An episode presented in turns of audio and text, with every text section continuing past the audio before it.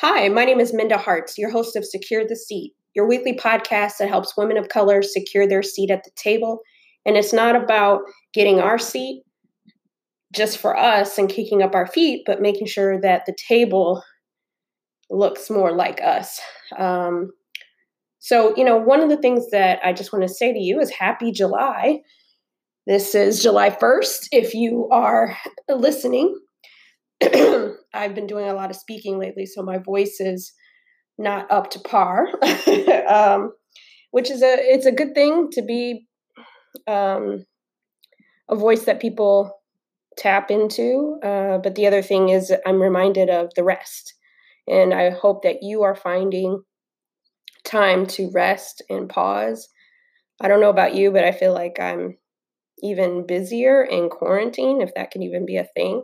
I'm like running uh, from one Zoom to the next in my seat. I've learned that that is a thing, right? Back to back Zoom calls. But um, the one thing that I'm trying to remind myself is that I need more rest, definitely.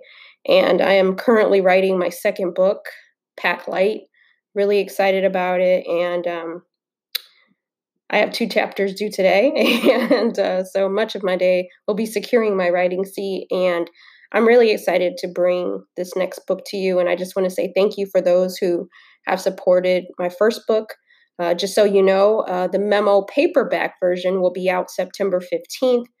My goal, I'm going to put it out into the atmosphere, is that um, the paperback version become a New York Times bestseller.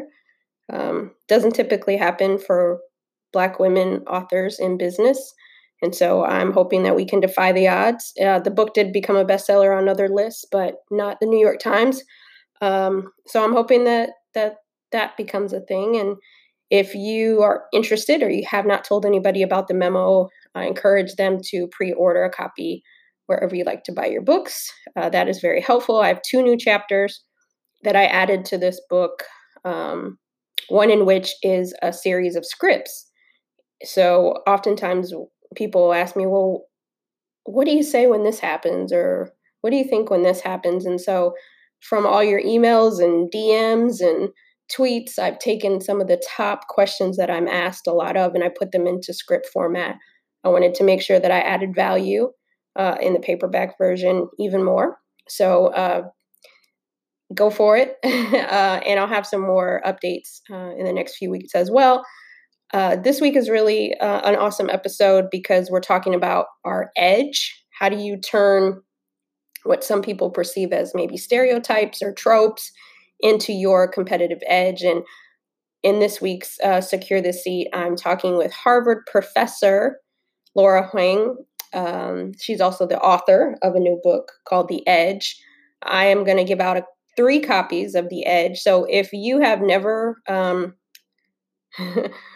joined in for one of my sweepstakes and my my giveaways, um, shoot me an, an email and tell me what your competitive edge is, what you think your your superpower is and your edge.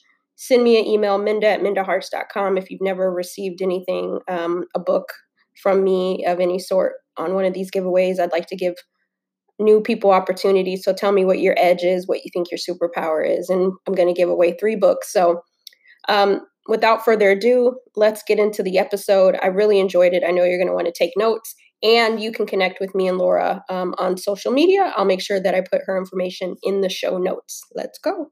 The seat. How are you? I'm good. Thank you so much for having me, Minda. I'm happy that you're here. I've um, wanted to do this uh, for a while now, and I'm glad that our schedules align. But tell people a little bit more about you. Yeah, so I am currently a professor at Harvard Business School, and I've been studying um, disparities and disadvantage and inequality for about the last 10 to 12 years of my career, where I've been a researcher um, doing studies and research in this area.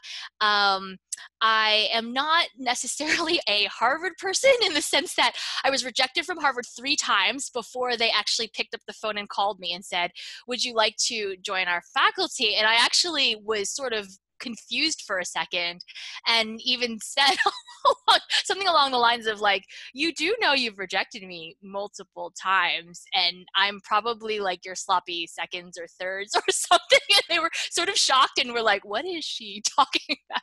So but you know i am trying to do what i can and really love the research that i do and love um, teaching and um, and and being in this area. So yeah well, I'm glad they got the memo about you, and I'm sure they never want to let you go now. Uh, what I love about um, you have a, a, book out now called um, "The Edge: Turning Adversity into Advantage," and I really, really love this book, and I encourage everyone to to buy it. And we're going to be giving away a couple of copies of the book, so um, definitely tell people about it because you know I'm a firm believer of supporting other women of color authors. That's how we bust this publishing door wide open, but Laura, tell us what was the impetus for you writing uh, your book, The Edge?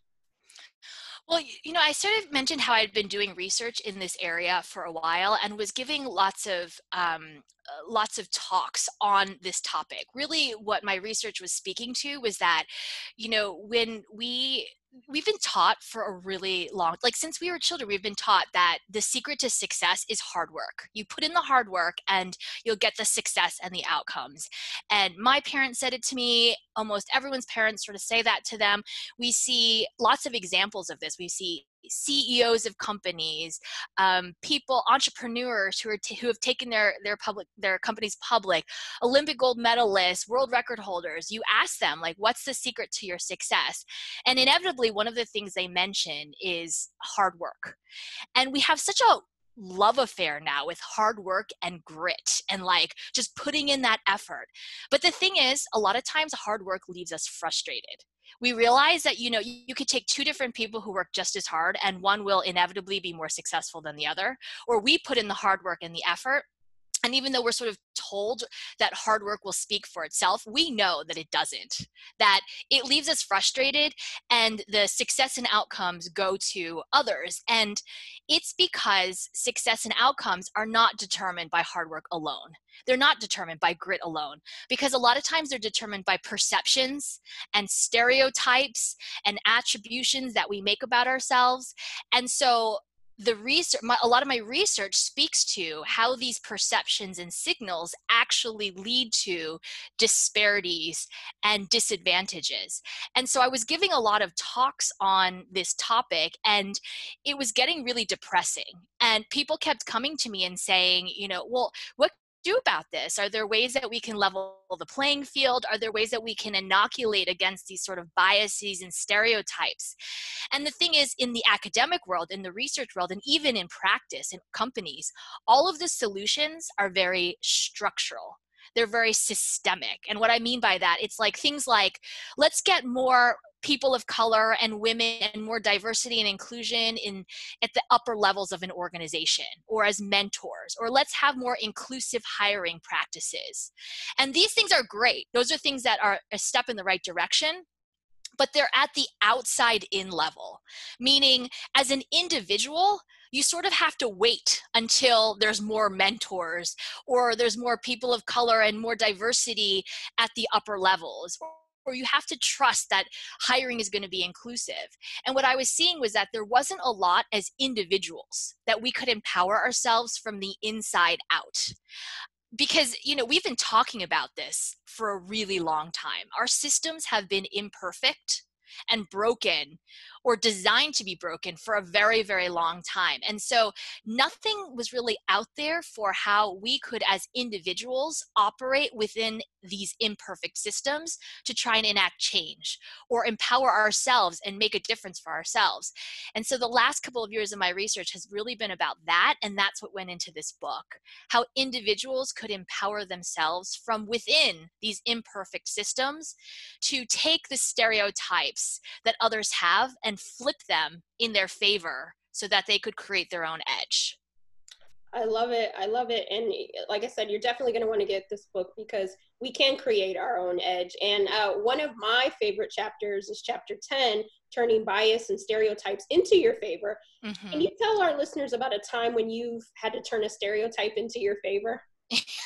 I mean, there's just been so there's been so many from like sort of the mundane to the sublime where I've had to sort of deal with this. And I think a lot of this has been, um, and a lot of this book was sort of a love letter to people who have felt like they've gotten knocked down time and time and time again like i had sort of felt in my in my career. So i mean i'm the child of immigrants. I speak multiple languages but i always kind of felt like i was not american enough when i was in the us and not taiwanese enough when i'm in taiwan. And there's always just sort of these perceptions. And so a lot of the examples are not only examples about me, but examples about everyday people like you and I who have had to turn stereotypes in your favor. So I'll talk just a quick, I'll give a couple of quick examples of like, you know, for example, like accent is one of the things that I've, I've, um, I've studied a lot, and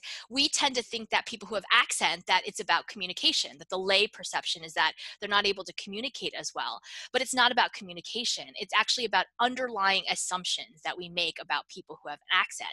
Things like they're not as interpersonally influential, or that they're not as good of a team player. And so I've run studies where I've had people with accent before they'll go into an interview situation, for example. I'll tell them the one perception that they have about you is that you're not as interpersonally influential or that you're not as good of a team player. And then I hear these astounding things where they'll say, like, you know, they'll get asked those normal questions that we get asked, like, tell me about a time when, and I'll hear them like give examples about a time when they fought for resources for their team or they didn't stop until they closed the deal. And not only then are they rated higher in terms of things like interpersonal influence or being a team player? They're actually rated higher in terms of communication, and they're more likely to get the job, if not even more likely than those non accident individuals. So, lots of sort of examples about how you flip circumstances in your favor. Another quick example of something that I sort of realized in my own life, and that as you know, as minorities or people of color, or based on your gender, race, ethnicity, class, sexual orientation, religion, all those sorts of things, I found that when we're interacting with other people, we tend to get asked different questions based on who we are.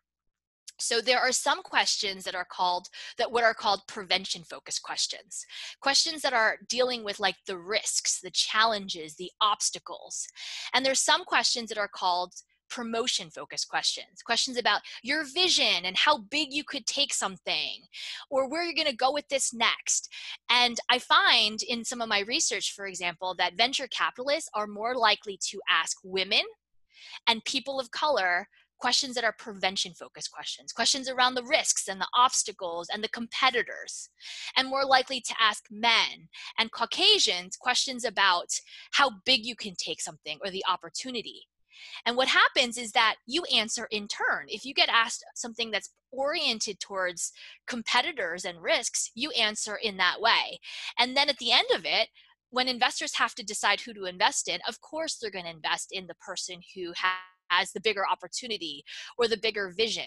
But we can also flip those in our favor as well. If we recognize that we're getting asked a prevention focused question, for example, about the competitors, we say something like, we answer the question, but we turn it into a promotion orientation. We say something like, yes, of course, there are a lot of competitors in our market, but what our product is able to do is X, Y, and Z, which allows us to tap into different markets and expand into different geographies. And you turn it into this bigger opportunity and vision. And there I find that not only are you able to flip the perceptions of how big how big of a thinker you are, but you're also much more likely to get the funding and so on. And these are just some of the examples that I talk about in the book that that I've experienced and that I know a lot of, of others have experienced as well. Oh yeah, this is great. And I think that's important, you know, that mindset shift shift of knowing um, why why are they and even if they are asking you these kind of questions but we get to take control of the narrative right? We get to put it back um, on them the way we want to even though maybe their intention was something different right? So i love that that we get to take control of that question and yeah and i think it's something you talk about a lot as well. It's like this ownership right? Don't it's not about letting other other people are going to have an impression of you regardless of whether what you say or do. And so this is really about flipping it to who you are and how and guiding them to how they authentically should see you. And I just and I think that's so important to be able to do and also do in a benign way that's going to allow you to have that deeper, richer connection with your counterpart. I love it. That's so rich. And it reminds me of kind of in a similar thread is, you know, as women of color, I, we probably can count um, on multiple hands and toes how many times we've been the only one in the room. Um, but I love this concept in your book about honing your gut feel and what you bring to the table. Talk to us more about honing your gut feel. Yeah. So, a big part of this is understanding the underlying perceptions that others have about us, right? So, um, what I talk about is that this is a skill that can be honed. You can hone your ability to see how others see you. Because, for example, like if we take ageism, for example, right? So, taking it completely out of the, the, the realm of gender or race or ethnicity. Um, I find that the lay perceptions that we have about older employees, for example, is that they're not as technologically proficient. They're, they're not as good at with, with technology. But in fact, there's actually only one underlying perception that we actually have about older employees, and that underlying perception is curiosity that they're not as curious about learning new things, they're not as curious in general. And so, just like with accented individuals or based on people's gender or race, I've run a number of experiments, a number of studies where I've had people who are older employees, and before they go into an interview, uh, uh, these older candidates, before they go into an interview situation, I'll tell them, I'll say, the perception they have about you is that you're not as curious. So then they go in and I hear them saying astounding things. I hear them saying things like, I'm curious about your strategy and how it's evolved over time. Or I'm curious about your vision of this company. And not only are they rated higher in terms of in terms of curiosity, they're also rated higher in terms of technological proficiency and how technical they are, and they're much more able to get the job. And so, this honing of your gut feel is how do you understand those underlying perceptions that they have about you that is not about just your age. It's these hidden biases or these hidden stereotypes that they have about you that you're not as curious or that you're not as likable or that you're not as interpersonally influential or whatever it may be. And the thing about this is that these things change based you change one variable and those underlying perceptions change so you change the industry that you're operating in, or you change the mix of people that you're talking to. Then all of those sort of perceptions also change. And we tend to think that these lay perceptions are static. Like if you're a woman, they think this. If you're black, they think this but we don't understand intersectionality in terms of if you're a black woman in finance and you're in this industry those perceptions are going to be very different than if you're a black woman woman in healthcare or if you're a black woman in something else or you're a hispanic man in this. And so honing your gut feel is understanding the basic goods of who you are and the stereotypes that they have based on you and the intersection with the industry that you're in, the mix of people that you're with, and so on and so forth. And so I talk about lots of different ways to actually hone this intuition because it's a really important sort of thing to to gather so that you can flip these stereotypes um, in your favor. And i'll give you a really quick way that you know there's lots of different ways that you can do this but the question is always like what how do i actually do this? Um, i have lots of different questions you can ask yourself and different you know different examples but as well as practical sort of exercises. And a quick practical exercise that i do even with my students is something called the 10 no's exercise and what you do is the assignment is that over the course of a week you need to get 10 people to say no to you and they have to write a short paragraph about each of those 10 no's and at the end of the week come prepared to present one of those no's and what we find is so interesting. They discover all these things about themselves and hone their ability to see how others perceive them. Because the thing is, we're so used to wanting people to say yes to us we're so used to wanting people to like us and to agree with us. But when the assignment, you have to get people to say no to you, you realize how people interact with you and the tone and the style that you use and that they use with you and who you start to go to and who you start to ask for what sort of different things. And you really develop this new muscle around understanding how people see you the perceptions they have of you the attributions they're making about you and vice versa when you put yourself in that different mindset um, and so those are the sorts of things that we can do to really hone our gut feel and what we bring to the table that's one of the really the things that I love about this book because it gives you those tools that you need in your toolkit to put not just theory but into practice. So thank you for for that. You know, and not to get too heavy into it, but I know there's some people who listen are thinking, well, what about the angry black woman, right, or the docile Asian, like something like that? How would you suggest they go about changing that perception? Yeah. So I have a chapter in the book where I basically insult everyone. Like I insult, I basically say, here are the stereotypes that we have about Asians, here are the stereotypes we have about blacks, here are the stereotypes we have about like people who are black and work in finance and are lawyers, here are Asians who are med doctors and and um and that is 70 to 80% of it is those base sort of stereotypes. But there is 20 to 30% that is nuance based on the different situations that you're in, based on the different people that you're interacting with. And so part of it is owning the fact that you are who you are and you have to to some extent grow where you're planted and get so i talk about you grow where you're planted you own that and you are proud of that and you can grow strong and grow strong roots and then you can sort of displace yourself and put yourself in different soil and continue to grow. But you don't forget sort of where you were planted. You don't forget that you're a sunflower that was planted this, or you were planted in sand, or you planted or whatever. You sort of own that 70 to 80 percent, um, and and you sort of go go from there.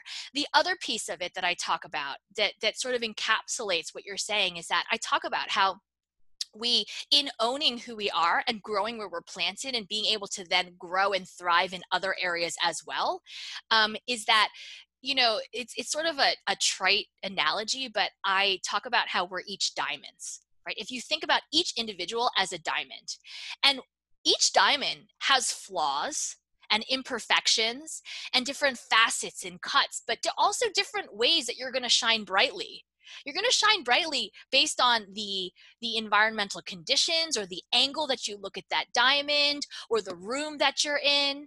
And so whenever we're doing this a lot of times people are like oh well they don't like this sort of angry black woman trope or the the the submissive asian trope or the fact that this sort of feels like it's strategic or that i'm managing impressions right? We've all had situations where we've seen somebody kissing up to the boss and we're like i don't want to be that person. Like it just feels gross right? This is the opposite of this of that right? This is the opposite of that. You are guiding and redirecting people to who you authentically are. All you're doing is you're showing your counterpart that angle of your diamond that shines the brightest and you can be unapologetic about that as long as you are showing them that angle of your diamond that's shining the brightest.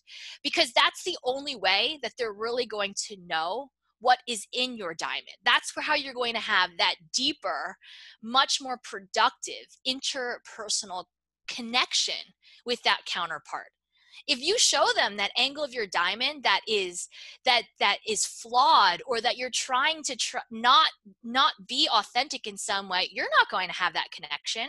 Or if you show them that side of your diamond that shines the brightest and for whatever reason they don't engage with it or don't like it you've just saved yourself time. You've actually accelerated the process where you then can have that connection with somebody else where you're going to mutually be able to see each other's how you shine and how you shine brightly and how you enrich and provide value to that other person. Well said. I love it. Bravo, bravo. and that's important, right? You know, how do, how do we want to shine the brightest? And I, I love that. So, you know, you, you talked about the authenticity and I love how authentic you came and wrote this book. And, and I felt like we were, like I knew you, like you cared about me after, after I read, I read the book. Um, and I often get the question of, you know how do you bring your authentic self to work and you know, my question for you, Laura, is is that important? You know, do we need to be bringing our, our authentic self to work? And if so, I, I would love, you know, to hear your thoughts on that. Yeah, I think that um, this answer is also, this is like a very, this is also a really difficult question because here's the thing we often say, like, be yourself, be your authentic self and i think that the that advice it means a lot and i think there's so much behind it we do want to be authentic but the other piece of it is that there are a lot of selves like who we are with our mother is really different from who we are with our best friend, right. which is really different from who we are with our boss. That doesn't mean we're being any less authentic we're really being ourselves. We have we are complicated and varied individuals. And to simply say like be your authentic self i think is overly simplistic. It's about understanding that we are complicated and varied individuals. And we can be authentic without necessarily just having to adhere to that generic advice of be yourself. So i think that when we are able to understand um, how we enrich and provide value. I talk lots about like knowing your superpowers, knowing your basic goods, which means not only knowing your strengths, but also knowing your underestimated strengths and your estimated weaknesses. And when we're able to bring that to the table, that's when we're truly authentic and that's when companies can really see the the innovativeness and the and the the the really the, the the amazing thing that things that employees can do i think one of the problems with corporate america and corporations in general is that we don't we don't often this is all something that they can't tie an ROI directly to. We can't tie financial um, like ROI to how happy and how productive and and how enriched our employees are. And so there's all these other sort of things that we do that really don't make a lot of sense. Like we do 360 de- degree like review, which mean nothing. Like people who do this, it's like you do it once a year. You just sort of copy and paste and change around a couple of words to make it fit because you see it as a chore. This is not really how we engage and empower everyone in the workplace. We end up empowering certain people, people who have developed certain skills, people who have come from certain backgrounds. And so I think it's really important that we are authentic, but we, that, that companies also see that when you have happier employees when you have employees who feel like they can they're empowered that can create their own advantages and within a workplace have this unique edge they're also able to be productive and more innovative and enrich the organization as a whole. And so that's sort of what authentic self means to me is that we are able to embrace all of these varied and complicated pieces of ourselves unapologetically with the organizations also realizing that it's the unapologetic piece and the authentic piece that really provide value to the organization as a whole. And i just wish there was more organizations that truly um, truly saw that and bought into it and it was more than just uh, lip service. I think that they would find that it would really um, it, it, it would it would benefit them in a much deeper way as well. Oh i love that. I, I there's so many so much goodness to what you said and there and bringing ourselves is so important. The selves that we want to bring right? The, the side of the diamond that we want to show. And so uh, i love that so much. Where can people find you support you all of the things. Yeah, so um, lots of resources on my website, laurahuang.net. Um, there's also a companion guide um, to to my book that people can download for free, which is with any purchase of of, of my book. There's like a 16 page um, companion guide with lots more exercises and practical sort of things like the 10 no's that you can you can try out and questions you can ask for your of yourself.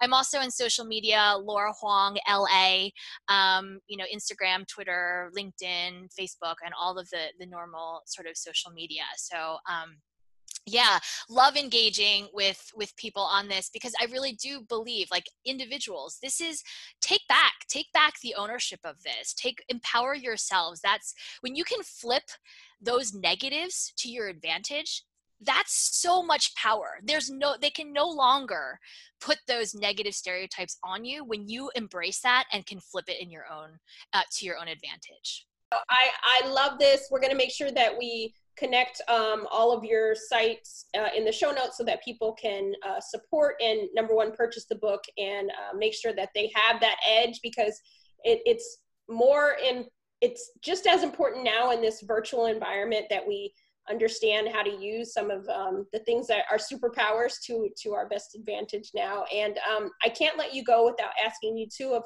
my bonus questions. I am a lover of grits and rap lyrics. and, uh, I have to ask now: Are do you are are you a fan of grits? I am.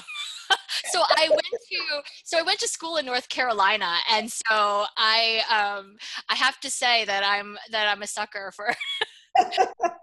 a good bowl of grits is it's something about it. Um, so you know all about it being yep. in North Carolina. There's some good. There are some good good grits places. I can't think of their their names. Well, but- my favorite barbecue place is called Bullock's Barbecue, which is in Durham, North Carolina. So shout out to Bullock's, which has amazing hush puppies and their sweet tea. I mean, I think they're anyway. So um, there is some real just I don't know. There's some treasures. There's some treasures. Yes, yeah. I will definitely have to um, check out Bullock's the next time I am in Durham. I think the last time I was there, I went to um, it was a chicken and waffles place somewhere down downtown. I can't think of the name of it, but they had good grits too. But I, I, I have to ask, what is your favorite rap lyric and why? I, I love this question. Oh my gosh. Okay, so I have so many. I mean, my initial, my like, my gut one, which probably is not very meaningful, but my gut sort of favorite one is underlay, underlay, mommy, e-i, uh, uh, uh. That's my, that's my, that's my, um, okay, so let me, let, what more meaningful ones?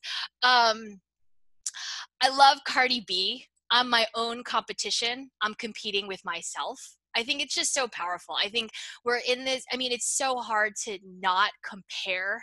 And so this this whole aspect of like I tell my students, you should never envy someone else uh, unless you're willing to trade entire lives with them.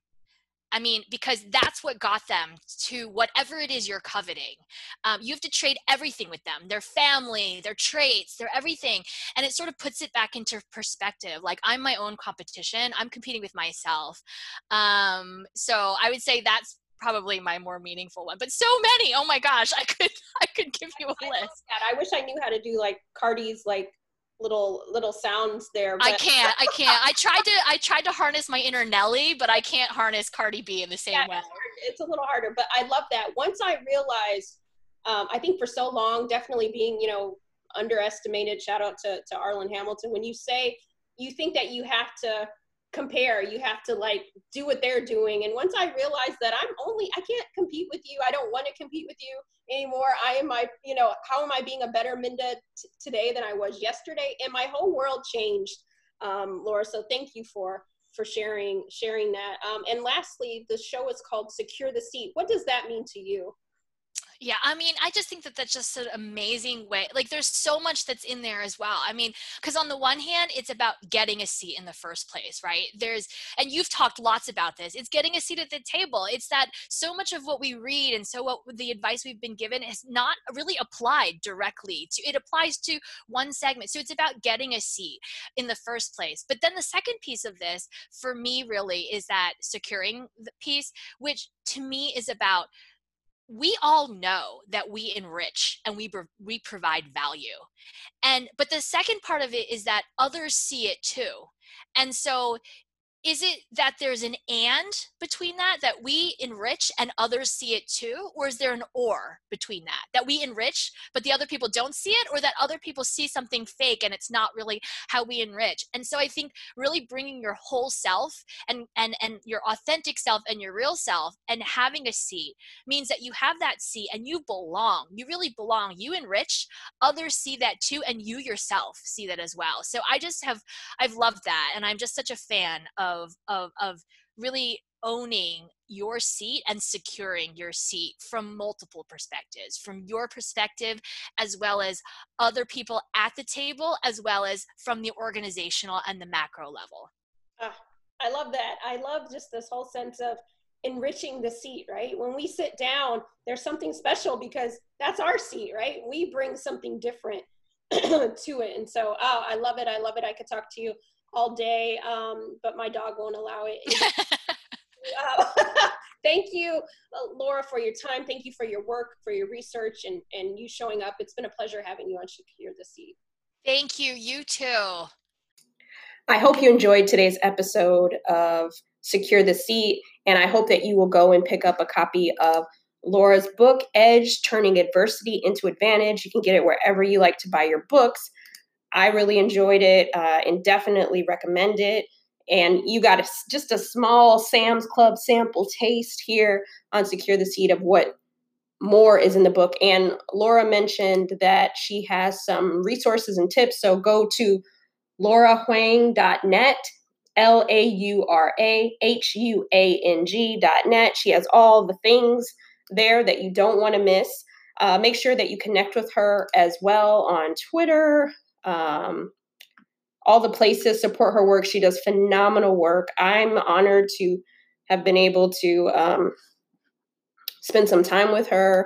Uh, we had really just fun conversation. Um, and you can also follow Laura at Laura Huang LA on Twitter.